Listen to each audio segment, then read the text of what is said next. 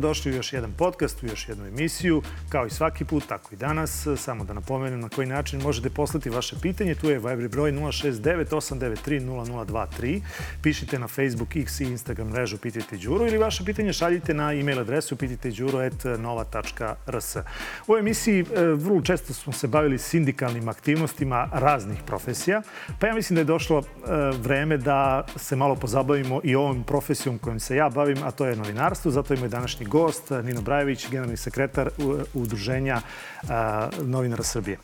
Nino, dobar dan, dobrodošli. Bolje vas našo, vas i vaši gledalci. Nekako se ovih dana e, često srećemo, a povod je, nažalost, e, nešto što, što ne može biti za pohvalu, a to je rezultat e, onoga što se zove suđenje ili proces u slučaju Slavka, ubistva Slavka, Slavka Ćuruvija. Dakle, nakon četvrt veka mi imamo oslobađajuće presude i tu je pravno rečeno sve gotovo. Nema više mogućnosti da se to preinači.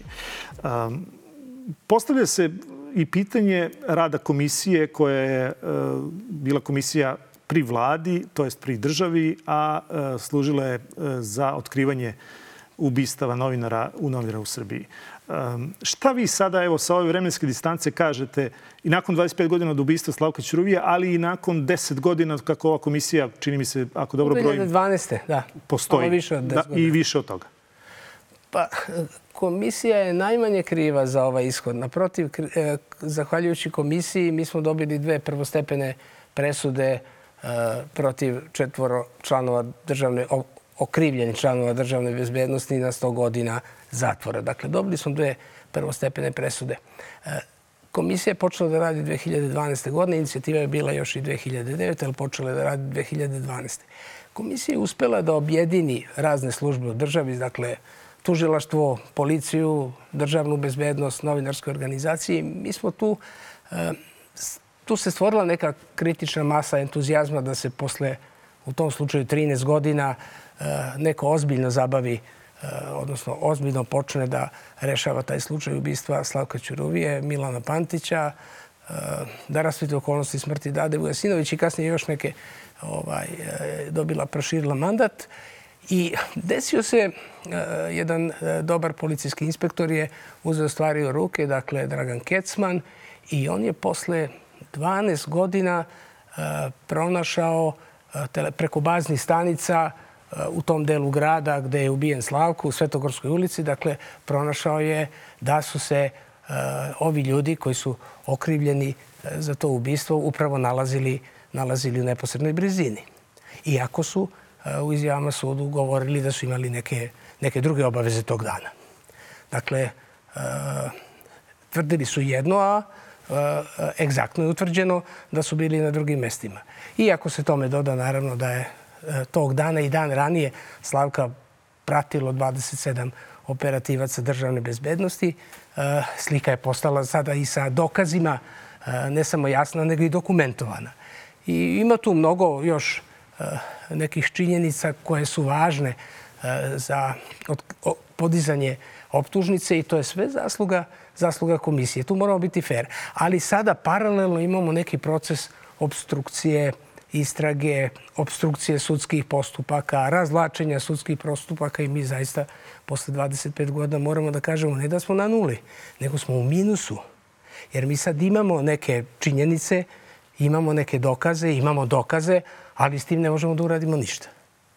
Možemo samo da kažemo da je pravda ubijena, a da istina živi i mi se sad borimo da ta istina živi i da to bude ipak uh, istina koja je svedok jednog vremena u kojem nismo mogli da neke stvari završimo kako treba. Ali da smo ih barem pokrenuli i da ćemo baciti svetlo na te činjenice da bi naša generacija i mlađe generacije bile svesne da se u ovom društvu nešto dešavalo i ko je za, odgovoran za ubistva novinara. Ja sam razgovarao sa Slobodanom Ružićem, advokatom koji je bio zastupnik porodice Ćuruvija.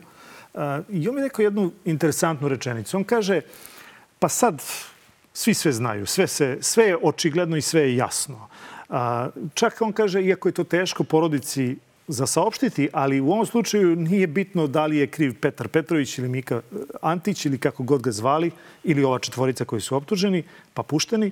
već je poenta da, da smo mi ovim procesom razotkrili Tako na koji je. način je radila služba i on kaže definitivno je jasno da je ubistvo Slavka Ćuruvije političko ubistvo i naručeno ubistvo i da iza njega stoji stoje državne, državne strukture.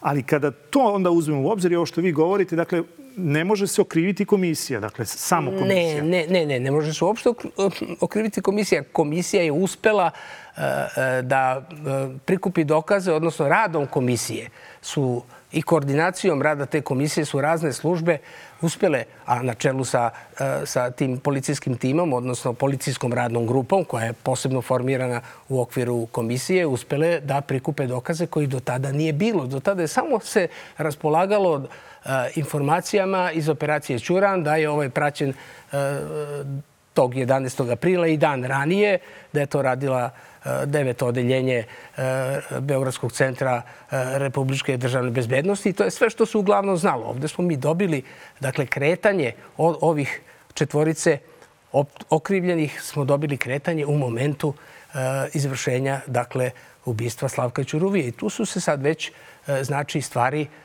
ozbiljno pomerile, zahvaljujući komisiji. E sad, komisija ne može da zameni e, ni sud, ni tužilaštvo, naravno. Ona može samo da nudi dobre usluge. I to je u ovom slučaju, barem e, do, do finala, u ove dve prvostepene presude i uspelo. To je jasno, ali šta vas ja pitam? Dakle, komisija je formirana 2012. sa dolaskom sadašnje vlasti Jeste. na vlast. Um, da li je bilo sad, posle ovoliko godina i posle ovakvog rezultata, e, kada imamo još uvek faktički se nije pokrenula nikakva istraga u, u, u slučaju Dadevu Isinović, da. Milana Pantića u predistražnoj Tužilaštvo fazi. se da. tako je oglašava nenadležnim i imamo ovo oslobađajuće ove presude. Da li je ošte bilo iluzorno očekivati da će ovakav sistem i ovakva država sa tom komisijom uraditi nešto? Dakle, ja se sećam, ako se dobro sećam, mislim da je Aleksandar Vučić tada rekao da e, ukoliko se ne nađu ubice Slavka Ćuruvije, da će on podneti e, ostavku. Dakle, to se naravno nije desilo, vidjet ćemo hoće li se desiti, ali da li učestvovanje u takvim komisijama, u takvoj vlasti i u takvoj nomenklaturi uopšte ima smisla, a uzimeću u obzir i, i činjenicu da ste i vi bili državni sekretar u Tako je, Ministarstvu finansija. tako je. u Ministarstvu Upra, upravo to. E, mislim, to je analogija zbog čega ja branim komisiju. E, ne zbog toga što sam ja bio u, u, u državnoj službi nekih 8-9 meseci, nego upravo zato što e, ne možete nemo da posmatrate stvari ako imate, dobijete neku priliku da nešto uradite. Dakle, ja sam dobio neku priliku da nešto uradim, ona je trajala 7-8 meseci i ja sam nešto uradio i onda su mi se zahvalili, istekao je mandat i više me nisu hteli. Imaju naravno razloga zbog čega me nisu hteli i zbog toga nisam ni malo nesrećan, ali hoću da vam kažem da e, svaku šansu treba iskoristiti. Ne možete gledati i kritikovati stvari sa strane ako imate bilo kakvu priliku da nešto pomognete. Dakle, e, policijski je rešen i slučaj Milana Pantića. Policijski je rešen i slučaj Slavka Ćuruvije.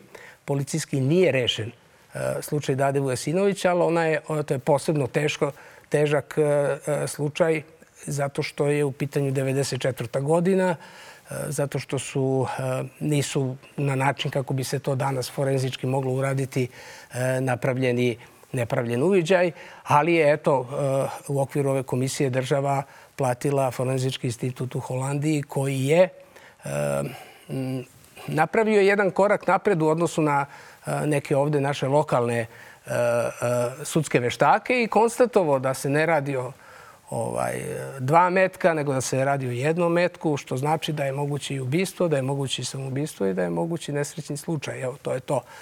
Ali u svakom slučaju, ako ne radite na predmetu, ne možete očekivati ništa. Ovo je bila prilika da se nešto radi.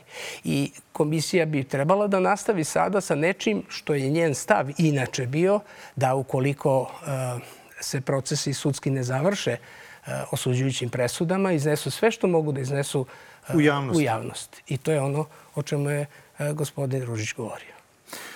Na neki način. To je ono što je važno, da javnost sazna i da javnosti bude jasno da smo mi razotkrili ovaj pozadinu tog ubistva. A da li je jasno kolegama, mladim novinarima koji ulaze u ovu profesiju šta ih čeka? Dakle, da li je ovo poruka svima onima koji ulaze u ovu profesiju i koji žele da se bave istraživačkim novinarstvom, ne samo istraživačkim novinarstvom, daje se uvek akcent na to, na to istraživačko novinarstvo, ali i svako kritičko novinarstvo je ne toliko opasno, ali prosto zadire u neke poslove koji po defaultu ne bi trebalo da budu otkriveni od strane, od strane novinara, a u njima učestvuju državni ili paradržavni organi. Pa nekažnjivost ubistava novinara, dakle u konkretnom slučaju je pa, najgora moguća e, poruka novinarima. Ali ja spadam u jednu generaciju stariju novinarsku koja je e, u svom radu prošla istraživačke faze i redovne neke novinarske faze i izveštavanje iz Skupštine, izveštavanje sa ratišta. I mi imamo običaj nekad malo u šali, ali zbilji da kažemo novinarima je potrebno prisustvo duha i odsustvo tela. Da biste dobro radili novinarski posao, morate da budete ovaj, da se ponašate tako eh, da vam duh bude jači od tela. Dakle, da nemate strah. Strah je prirodno stanje, ali vi morate da se borite protiv njega. I da budete uvereni da to što radite, eh, radite za dobro ovaj, eh, javnosti, da radite za dobro građana zajednice u kojoj živite, da to radite za dobro građana Srbije i da sve prepreke treba da preskočite ako želite to dobro da radite. U protivnom, kreni stani ne donosi, ne donosi rezultat. Tada, 2016. ako dobro pamtim, vi ste ušli u Ministarstvo informisanja. Da, krajem 2016. godine. I koliko sam čitao, jedini cilj, to je da, da. prevashodno cilj vam je bio da uredite tu delatnost, to jest da, da privatizaciju dovedete do, do, do nekog, neke tačke koje se može reći da je uređen sistem novinarski u Srbiji. I da. zašto ste odustali? Ne, ja nisam odustao. Ja sam, dakle, oni su odustali od vas? Da, oni su odustali od mene. Pa ja sam na, na jednom, ja mislim da je, da je to mene koštalo nastavka funkcije, pošto je to bio kraj mandata Vučićeve vlade. Ja sam rekao na jednoj konferenciji u Beču da je položaj uh, novinara najteži u novijoj istoriji. I on zaista jeste najteži. Ja sam to odgovorno rekao i ja to sad, hvala Bogu, mogu i da, da ponovim. Nisam državni sekretar kad se mogu tako da kažem. Znači, nisam rekao da je najgori. Nema ubistava novinara, ima pretnji, pritisaka, ima prebijanje novinara, ali on e, ukupno gledano najteži. Dakle, novinari su potplaćeni, e, slabo plaćeni, izloženi pritisku. Privatizacije su dovele dotle da je materijalni položaj, pa i profesionalni položaj više ugrožen nego što je bio. I vi sada imate jednostavno jednu profesiju koja je ispod proseka profesija za taj nivo kvalifikacije koji ima u društvu plaćena, a nemate ni odgovarajuće mere zaštite i podrške za ono što radite u javnom interesu. I zato, je, zato sam ja tada rekao, a to važi i danas, da je to najteži položaj u novijoj istoriji. Nisu novinari nikad ovde, mi smo kao udruženje istraživali položaj novinara u vreme drugog svetskog rata, balkanskih ratova, između ratova. Nikad oni nisu sjajno živeli. Ali ja pamtim, ja sam počeo da se bavim novinarstvom 83. godine, da smo imali pristojni status, nešto bolje plate u proseku nego što su danas i, do, i bolje uslove rada. Kad pominjete taj status, pričalo se jedno vreme, sad skoro više da niko i ne pominje, da bi E, novinari trebalo da, da dobiju status službenog lica. E, zašto se od, od toga odustalo? Da li se ta priča negde pominje da se ponovo vrati na, na, na dnevni red? Dakle, smatrate li da bi to donekle možda rešilo i problem u kom se novinari nalaze? Pa, e, novinari su se izborili, to je, ajde, i, i ja sam se za to lično borio, udruženje se izborilo 2009. godine da mi krivičnim zakonikom budemo zaštićeni. Zaštićeniji, dakle, zaštićeniji. Da. Dakle, ko e, pretnjom ugrozi sigurnost e, osobe koja radi, odnosno kažu, zakon kaže lica, e, koja se bavi poslom informisanja, zaprećena kazna od šest meseci do pet godina zatvora. Dakle, ako vam neko ugrozi sigurnost pretnjom, zato je zaprećena kazna od šest meseci do pet godina. Međutim, u praksi se dešava da tužilaštvo, odnosno sud, u tome ne vidi kvalifikovanu pretnju. Dakle, neku pretnju ubiću te, doživljavaju kao neku pretnju koja nije dovoljno kvalifikovana i zbog toga skoro da nemamo ni jedan slučaj kažnjavanja, odnosno sudskog procesa koji, u kojem je ishod bila kazna po ovom članu 138 ili 139 krivičnog zakonika. Dakle, tu smo mi samo tražili da se izjednačimo sa službenim licima kao što je tužilac, kao što je policajac i državnik. Dakle, tu smo negde uspeli da krivično pravni položaj popravimo, dakle, to kako, ali ja u praksi razumem, je to isto kao sa suđenjem. Znači, kao sa suđenjem. na papiru imamo, jest, ali u praksi, jest, u praksi jest, nemamo. Jest. E, da, dobro, sad smo to pokušamo da kompenzujemo kroz stalnu radnu grupu za bezbednost novinara, gde opet kroz koordinaciju tužilaštva, policije, novinarskih udruženja, medijskih udruženja pokušavamo i preko kontakt tačaka kroz pravljenje jednog sistema koje postoji u razvijenim zemljama, kao što je, na primjer, Holandija, kao što je Norveška. Dakle, pokušavamo da e, e, pospešimo rad e, istražnih organa kada su u pitanju pretnje pritisci, tako da tu sad, eto, imamo nekih rezultata i tu malo napreduje i tužilaštvo u saradnji s nama i policija, ali to su sve stvari u začetku. To je nešto što traži, traži rekao bih, više razumevanja društva i kvalitetnije pravosuđe, apsolutno. Iako pretpostavljam da niste odavno išli na neku konferenciju za štampu, da. ali evo, ne znam ni kako da vam postavimo ovo pitanje. Dakle, šta biste vi savjetovali polazniku vaše školice novinarstva u Udruženju novinara Srbije ili nekom svršenom novinaru koji je završio fakultet političkih nauka, kako da se ponaša na konferenciji za štampu gde ga recimo otvoreno predsjednik države ili premijerka pa vređa. To se naj, najblaže može reći tako. Pa znate šta? Šta tu raditi? Dakle, da li tu biti vratiti ne uvredom, nego vratiti tim, tom dozom e, obrazluka ili prosto ne postavljati ja, pitanja? Ja, ja, sam, ili... ja sam pristalica da se uvek vrati nekom dozom dostojanstva. Ali ta doza dostojanstva podrazumeva i da vi kažete nekome da ne bi trebalo da koristi svoj položaj premijera ili predsjednika države da učutkuje novinare ili da je šalje neke uvredljive poruke jer vi to ne radite njemu i nema nikakvog razloga da on to radi vama. Evo, to je nešto što bih ovaj, uvek mogao da kažem, ali naš predsjednik voli da uh, govori kako uh, treba razumeti novinare, treba da se smanji taj, taj pritisak koji postoji, ali ne preduzima očigledno ništa kada je u pitanju stranka koje pripada, a te, te uvrede se svakodnevno dešavaju u Skupštini Srbije od strane, od strane poslanika vladajuće stranke. Evo to, to se pokazalo kao e, nešto što se dešava iz godine u godinu i, i, i ne prestaje. Ali u svakom slučaju ja sam za to da se uvek uzvrati nekom merom dostojanstva. E, šta ćemo sa Remom? Dakle, kakav je vaš stav o tome kako on funkcioniše i koju on ulogu danas ima u našem društvu? Pa mi, mi ne treba da očekujemo od Rema da e, bude bilo kakva organizacija e, koja bi, hm, kako da kažem, kanalisala slobodu medija. E, ali i jeste organizacija koja bi trebala da e, stvori uslove za da kažemo ravnopravno korišćenje opšteg dobra Dakle, frekvencija koja bi mogla, koja je dužna da obezbedi pluralizam po zakonu medijski, koja je mog, dužna da obezbedi medijsku konkurenciju i koja je dužna, naravno, da, da kažnjava, sankcioniše one medije i u onoj meri u kojoj krše e, ta pravila koja su oni propisali ili na koja ih obavezuje zakon. E, nažalost, e, REM to nije pokazao i pokazuje da nema nameru da pokaže. S naše strane mi smo uradili mm, mnogo puta ozbiljan monitoring tog rada, pisali smo o tim uh, radu saveta, pisali smo o tome nedavno da je negde krajem decembra uh, neposredno ovaj, po okončanju izbora postojala analiza uh, emitovanja medijskog sadržaja na televizijama sa nacionalnim frekvencijama koja nije objavljena. Znate, ni do dana današnjeg. E, tako da to govori jednostavno o obstrukciji onoga na što je obavezan e, REM da radi. I e, mi smo i kad je u pitanju zakonodavstvo uspeli da se, to je maksimum koji smo uspeli da uradimo u jednom sedmočasovnom sastanku sa premijerkom Brnabić da se izborimo da se mandat članova saveta ograniči do 4. novembra ove godine, a da ne bude do datuma kada ti mandati ističu po e, ranijem izboru u Skupštini Srbije.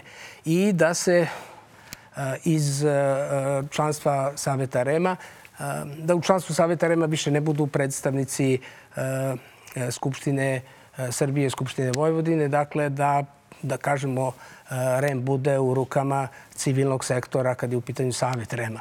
To je nešto što je možda neki maksimum koji smo mi mogli da izvučemo, ali u REMu i svugde sede živi ljudi ako vi tamo dovedete ljude koji nisu spremni da se bore za ono šta jeste njihov posao i nisu spremni da rade onaj posao za koji su zaduženi, onda zaista imate problem.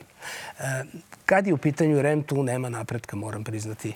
Nažalost, nema. Ima li napretka kad je u pitanju RTS? Dakle, vrlo često mi kad kažemo istraživačko novinarstvo, onda se apsolutno ne misli na RTS. Dakle, da li je i u javnom servisu, u javnom interesu, da on istražuje ono što recimo rade neki portali koji apsolutno uh, se ne finansiraju od strane države, već se finansiraju od koje kakvih nevladinih organizacija, neki kažu strani plaćenici ili tome slično. Pa, da kažem, eh, ja sam uvek eh, sentimentalan prema radi televiziji Beograd, odnosno RTS-u, jer ja sam tu počeo novensku karijeru i, i završio.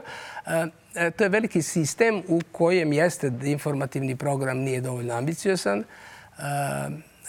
Nedostaje istra, raznih istraživačkih Mislite formata. Mislite da je ambicija jedina stvar? Uh, pa, uh, Mislim, da, da, zašto vas to pitam? Zato što da li vam treba ambicija da, da pošaljete dežurnog novinara recimo u Pionirski park gde se održava neki protest? Ne, ne, ne, ne, apsolutno ne.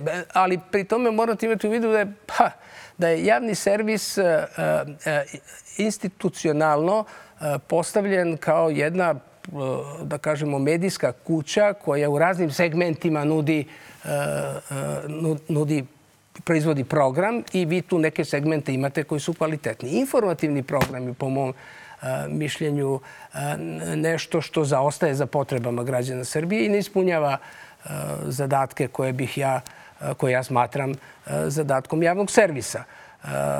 Možemo ulaziti u hiljadu razloga zašto je to tako, ali kad govorim ambiciozan, ja polazim od pretpostavke da svaki novinar koji tamo radi, prima platu, jeli, za to što radi mora da ima ličnu ambiciju.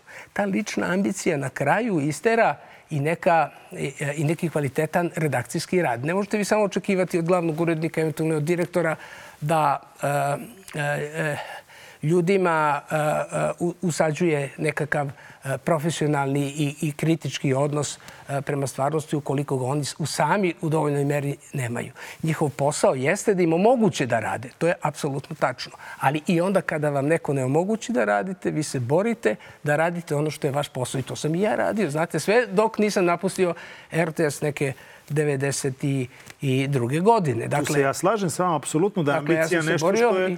Što je polazna tačka. Ali ako vi imate ambicioznu novinarku, neću ja sad imenovati, Dobro. koja se pojavljivala uh, i u prilozima, ali i vodila emisije na, na delove emisija na, na, na televiziji uh, na RTS-u, a onda je pokazala svoje ambicije ka tome da, da izveštava sa protesta opozicije i sada te novinarke više nema pred kamerama. Dakle, o čemu vam pričamo? Dakle, da li je ambicija, zato vas ponovno vraćam na pitanje, Dobro. da li je ambicija jedina stvar ne, koja ne, omogućava RTS da radi u da, javnom interesu? Ne, ne, apsolutno nije, ali uh, vi imate, dakle, novinare i imate uredništvo. Uh, ako uredništvo uh, ne radi dobro svoj posao, novinari treba da prozivaju uredništvo, da ne čekaju da ih proziva ulica. Hoću to da kažem. Dobro. I ja mislim da tu novinari moraju da budu istrajni i istrajniji nego što jesu. To je o, o, ono što je e, moj pogled na stvari. Ne može niko, znate, ni Skupština Srbije, ni niko da napravi i da preseli neku redakciju koja nam se sviđa i da dovede u tako skudese da bi oni ovaj, bolje radili taj posao. Dakle, mislim da e, to neko profesionalno buđenje ljudi koji rade u RTS-u e, treba da se desi. Da li onda u profesionalno buđenje spada i recimo ponašanje domaćina novinara u studiju kada mu dođe predsjednik Skupštine, uh, još neke kolege što iz uh, vlasti, što iz opozicije i onda faktički taj isti domaćin na RTS-u dopusti jednom od gostiju da mu on vodi emisiju. Dakle, šta tu kako se tu ponašati? Dakle, da li tu skinuti regler sa, sa tona i prosto učutkati tog nekog ko apsolutno ne poštuje pravila ponašanja, a kamoli uh, one funkcije koje obnaša.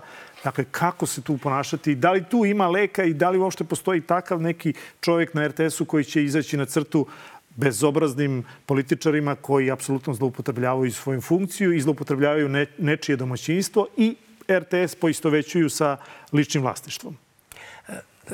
Za takve medijske, uopšte za ozbiljne medijske kuće je potreban timski rad. Dakle, ljudi moraju da se dogovaraju čak i o takvim detaljima. Da li ćemo mi prekinuti emisiju ako neko ne prestaje da govori, a nije dobio reč? Da li ćemo mi uh, reći toncu skini regler da bi drugi dobio reč? To je nešto što uh, ne, to, je, to je neka odgovornost koju tim koji radi neku emisiju mora da preuzme na sebe. Dakle, Očigledno ja, ne preuzme. Ja sam bio u situaciji, znate, kada nam donose kasete šta treba da emitujemo u dnevniku i mi jednostavno to nismo emitovali u dnevniku. I u tom periodu dok se emituje dnevnik, vama ulazi zamnik glavnog urednika da pita šta je s tim, vi samo kažete ništa, nismo videli, nećemo da emitujemo. Znači, vi preuzimate neku odgovornost za koju smatrate da je profesionalna, rizikujete, ali najčešće vam se ništa ne desi. A zašto vam se ništa ne desi? Pa zato što ste pokazali da se ne bojite. Naravno i desi se, ali eto, meni se nikad nije desilo da me neko suspenduje ili bilo šta zbog nečega što nisam emitovao nešto što je doneo glavni urednik da ide u. E, vratit ću vas malo na, na, na ovu uh, akumulaciju medijsku, ako se to tako... Možda i monopol je možda bolja, bolja reč. Da. Dakle, vi sad recimo, ja dugo godina sam radio na, na, na radiju i vi sada imate copy-paste uh, onoga što faktički samo je muzika drugačija, ali sam sistem rada, finansiranje, e, način na koji se radi je skoro identičan u svim radiostanicama e, u Srbiji. Evo imali smo sad i ovo poslednje sa e, kupovinom Radio S-a i, i ukidanjem jedne od kultnih, kultnih emisija. Dakle, kako se boriti protiv te medijske akumulacije ili monopola s obzirom da voleo bih da se dotaknemo i samih projekata koje država raspisuje i kojih uopšte dobija. Pa, kad govorimo o monopolu, mi, nažalost, odnosno, mi na tržištu medijskom imamo, kad su pitanje elektronski medija, dobro, počinje da to bude i u oblasti štampanih, imamo duopol. Imamo s jedne strane e, veliki broj e, televizija lokalnih, pa i nacionalnih, koje su provladine. Imamo, s druge strane, televizije grupacije United Grupe, od kojih nijedna nema nacionalnu frekvenciju, ali su e, gledane kroz e, kablovski e, sistem. I mi nemamo između jedne i druge strane ovog duopola neke televizije koje odnosno medijske kuće u oblasti elektronskih medija koje na neki, ajde da kažemo, iz nekog trećeg ugla ili mešovitog ugla u odnosu na ove dve gledaju, gledaju stvari u društvu. Eh, to je nedostatak, ali taj nedostatak eh, će sigurno generisati još problema na medijskoj sceni više nego što ih i danas već imamo. Kad je u pitanju finansiranje medija, naša osnovna ideja je bila da onaj novac koji su čuvene 2014. godine kada je najveći broj medija privatizovan, e, lokalne samuprave i država uopšte ulagala u medije da taj novac ostane na medijskom tržištu. Nažalost, on je sveden možda na trećinu tog novca i mi sada imamo jednu e, relativno razvijenu e, medijsku strukturu, odnosno veliki broj medija koji raspolaže neuporedivo manjem količinom novca nego što je to tada bilo. Ne samo sa stanovišta marketinga, i, i reklama, nego i sa stanovišta onoga što lokalni budžeti daju medijima. E, ja rado koristim jedan primer, na primer Jagodina, ali nije to usamljen primer, je izdvajala za svoj radio, televiziju i list oko 60 miliona, 55-60 miliona dinara 2014. godine. Onih dinara. Ona sada izdvaja za sve medije 5 miliona i 700 hiljada dinara. Znate, ako ste vi sa 60... 10 puta manje. Pa 10 puta manje. Onda šta možete da očekujete od tih medija? Oni su dakle potplaćeni, oni nisu plaćeni, oni sada, moramo tako da kažemo, glođu tu kosklu i e, u, veoma su zavisni sa malim brojem ljudi, sa nesigurnim poslom, zavisni dakle od tog, od te, e, kako da kažem, šačice novca koja je sada nešto više od 10% odnosno na ono što je bilo 2014. godine. I tu su, to je medijska kapitulacija. Kad vi sa druge strane nemate neko, neko drugo tržište koje bi e, nadoknađivalo taj nedostatak novca, dakle kroz marketing, vi zaista imate problem. I e, tu ljudi neće da rade, neće da se bave novinarskim poslom, ne mogu da budu plaćeni, nemaju nikakvu afirmaciju. I to je sada problem koji ukupno prati e, novinarsku profesiju, pa sve do javnog servisa. Dakle, to je jedno urušavanje profesije, jedno, jedno strmoglavljivanje koje e, ne može biti promenjeno ukoliko društvo u najširem smislu reči e, ne da ozbiljniju podršku medijima. Mediji rade u interesu javnosti i oni su važni za donošenje svake odluke u društvu. Bilo da je to ovaj, odluka o nekoj kupovini ili odluka o izborima e, za predsjednika države. I sad za kraj, dakle, kad uzmemo sve ove stvari koje smo faktički iznali kritike na, na, na, Da. na račun svega onoga što se de, dešava u medijskoj sferi, uh, imali, imali lepih stvari koje vi možete da najavite ili koje već radite u Udruženju novinara Srbije, da ipak one mlade ljude koji žele da ispravljaju krive drine, da ih ohrabrite i kažete ajde ovo sa strane, jednog dana će se promeniti situacija. Dakle, koje su to pozitivne strane ovog posla uh, koje će ipak uh, privući mlade da, da se odluče za ovu profesiju? Naravno, ovi, to radimo svaki dan. Ovih deset dana su bili zaista depresivni. Dobili smo informaciju iz tužilaštva za organizovani kriminal posle 16 meseci da neće, da nisu nadležni da preuzmu slučaj Milana Pantića za koje je komisija uh, uh, utvrdila da je policijski rešen, odnosno za koji, koji je policijski uh, rešen i naravno ovu presudu apelacijnog suda oslobađajuću za okrivljene za ubistvo Slavka Ćuruvije.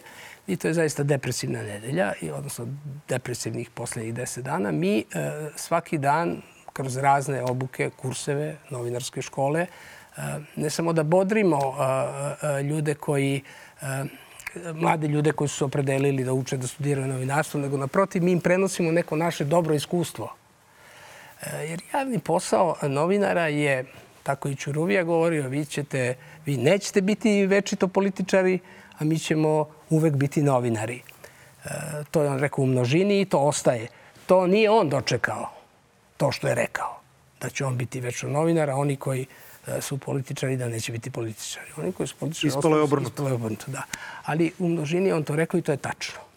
I e, često govorimo da nema lepšeg posla gde vi možete da učestvujete u javnom poslu, da budete prisutni svugde gde obični građani ne mogu, da im verodostojno pa i kritički prenosite sve što se oko vas dešava i da to zaista jeste zanimljiv posao. I taj posao uh, uvek preporučujem mladim ljudima. Na kraju krajeva uh, radite sve dokle vam se nešto sviđa, dajte najbolje od sebe da bi dobili najviše ovaj, od te profesije. I tako sam se uvek i vladao. I dakle, taj entuzijazam vas ne napušta. E, Onog časa kad vas napusti taj entuzijazam, morate da tražite nešto drugo. Ja nisam pronašao nešto drugo, moram priznati i e, negde još uvek živim u tom entuzijazmu. I naravno, non stop ga prenosim, makar i sa onom, onom sintagmom odvratnom, a to je da morate imati prisustvo duha i odsustvo tela ako želite ozbiljno da se bavite novinarstvom. Nino, hvala puno na izdvenom vremenu, na razgovoru. E, naravno, sarađivat ćemo pa ćemo pratiti šta se dešava, da se stvari popravljaju, pa se nadam ponovnom gostovanju. Hvala. Hvala još jednom. Moj gost bio Nino Brajević, generalni sekretar Udruženja novinara Srbije, a broj telefona otvoren za vaše pitanje, za ne samo ovu temu, već sve one teme koje vas tište. 069 893 0023. Tu je, Viber, tu je eh, Facebook, X eh, i Instagram mreža Pitajte Đuru ili vaše pitanje šaljite na e-mail adresu pitajteđuro.nova.rs.